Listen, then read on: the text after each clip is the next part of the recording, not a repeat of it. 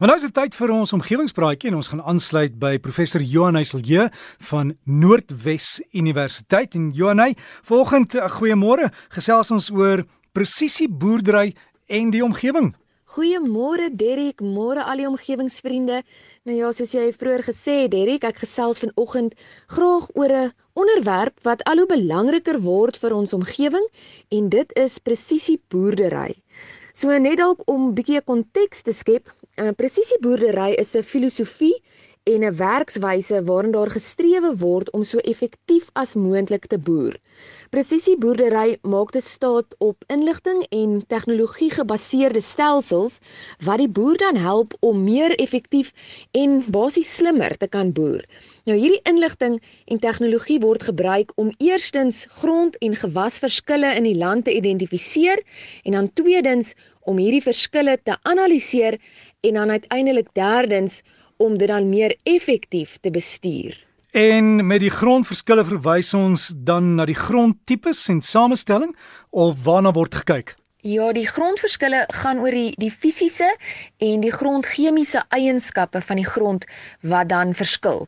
Wat selfs in baie kort afstande groot variasies kan toon. So dit is byvoorbeeld soos die verskil in terme van gronddiepte of klei-inhoud wat selfs op een stuk land baie uiteenlopend kan wees en wat 'n groot invloed op die groei van gewasse kan hê. Want byvoorbeeld waar grond dieper is, het die grond 'n beter waterhou vermoë wat dan help dat die plante vir langer tydperke weelderig kan groei in vergelyking met vlakker grond en 'n swakker waterhou vermoë. So hierdie grondverskille word dan as 'n eerste stap van presisieboerdery geïdentifiseer en daarna word dit geanaliseer om presies te verstaan wat die implikasies is van hierdie fisiese en die grondchemiese eienskappe van die grond wat dan op die ou end gebruik word om optimale gebruik van hierdie grond vas te stel. Maar Derek, ek het gaan aanklop by Dr Astrid Hatting, wie 'n konsultant van die presisieboerdery komitee is hier by die Noordwes Universiteit, om bietjie meer uit te vind oor hoe presies hulle hierdie analises doen. So dit begin basies by 'n grondopname gewoonlik op 1 hektar, soms op 2 of in baie sekere gevalle 4 hektar grond waar daar dan 'n ruitpatroon van grondmonsters geneem word en dit dan deur 'n laboratorium ontleed word om te bepaal hoeveel fosfaat en kalium en kalsium en ook magnesium in die grond teenwoordig is. Ook die pH-waarde van die grond word bepaal en by elke punt waar hierdie grondmonsters geneem word, word daar dan ook bepaal hoe diep die grond is en wat die klei inhou inhoud is.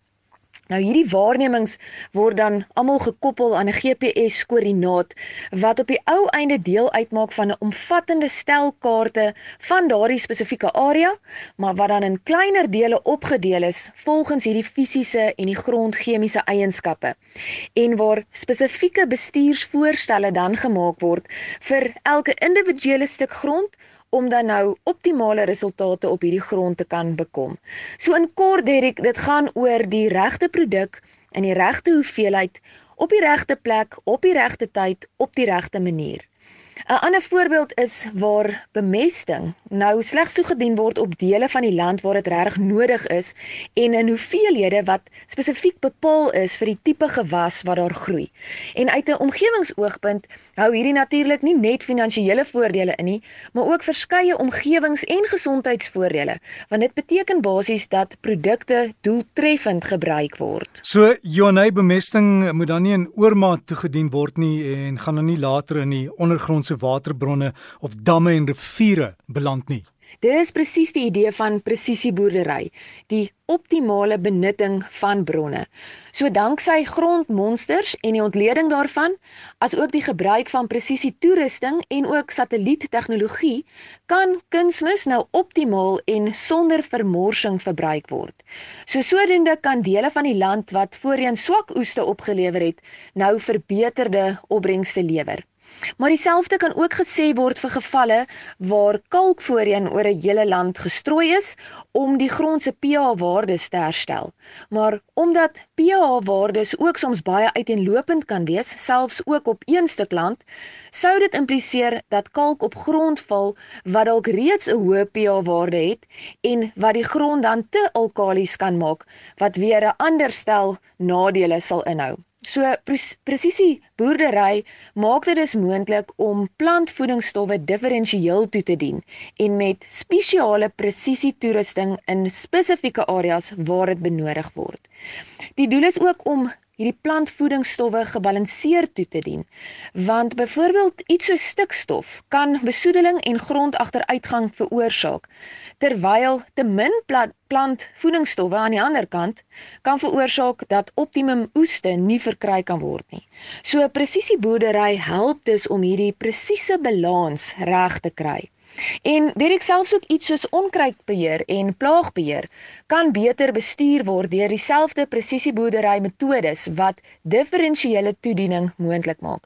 So dit beteken dat slegs die besmette gedeeltes van grond dan met die giftige stowwe behandel word en nie die hele omliggende area nie.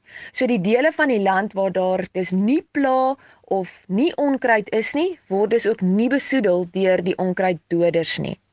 So elke deel van die grond word volgens potensiaal gebruik om dan voedselsekuriteit te verseker, maar ook aan die ander kant om potensiële misoeste te bestuur. En dis natuurlik die toekoms. Die toepassing van presisieboerdery gaan in die toekoms 'n baie groter rol begin speel, veral om genoeg voedsel te voorsien vir hierdie miljarde mense op aarde en dit op 'n krimpende beskikbare landbougrond. En natuurlik om hierdie voedsel te kan voorsien op 'n volhoubare wyse met 'n lae produksiekoste en 'n lae omgewingsimpak. So Derek op daardie punt as groen gedagte, presisieboerdery is die toekoms van boerdery en ook van ons groter omgewing en dit is waar verskeie aspekte bymekaar kom van grondkunde tot grondwaterstudies, geografiese inligtingstegnologie, gewasproduksie, landbouekonomie, klimaat en verskeie statistieke wat dan nou gebruik word om 'n area ten volle te bestuur en optimaal te bestuur op 'n omgewingsvriendelike manier.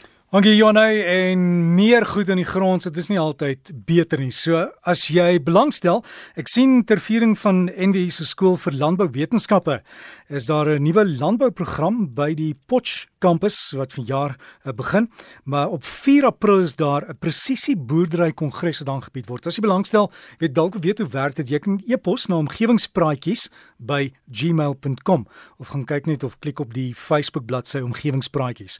So daai e-posadres is omgewingspraatjies by gmail.com en dan kan net vir hulle sê jy het gehoor van daai kongres oor presisie boerdery. En hulle gaan vir jou inlig, jy weet hulle die kenners daar wat gaan deel wees van dit. En dit dan die omgewingspraatjies saam met Johan Heiselje, professor by Noordwes Universiteit.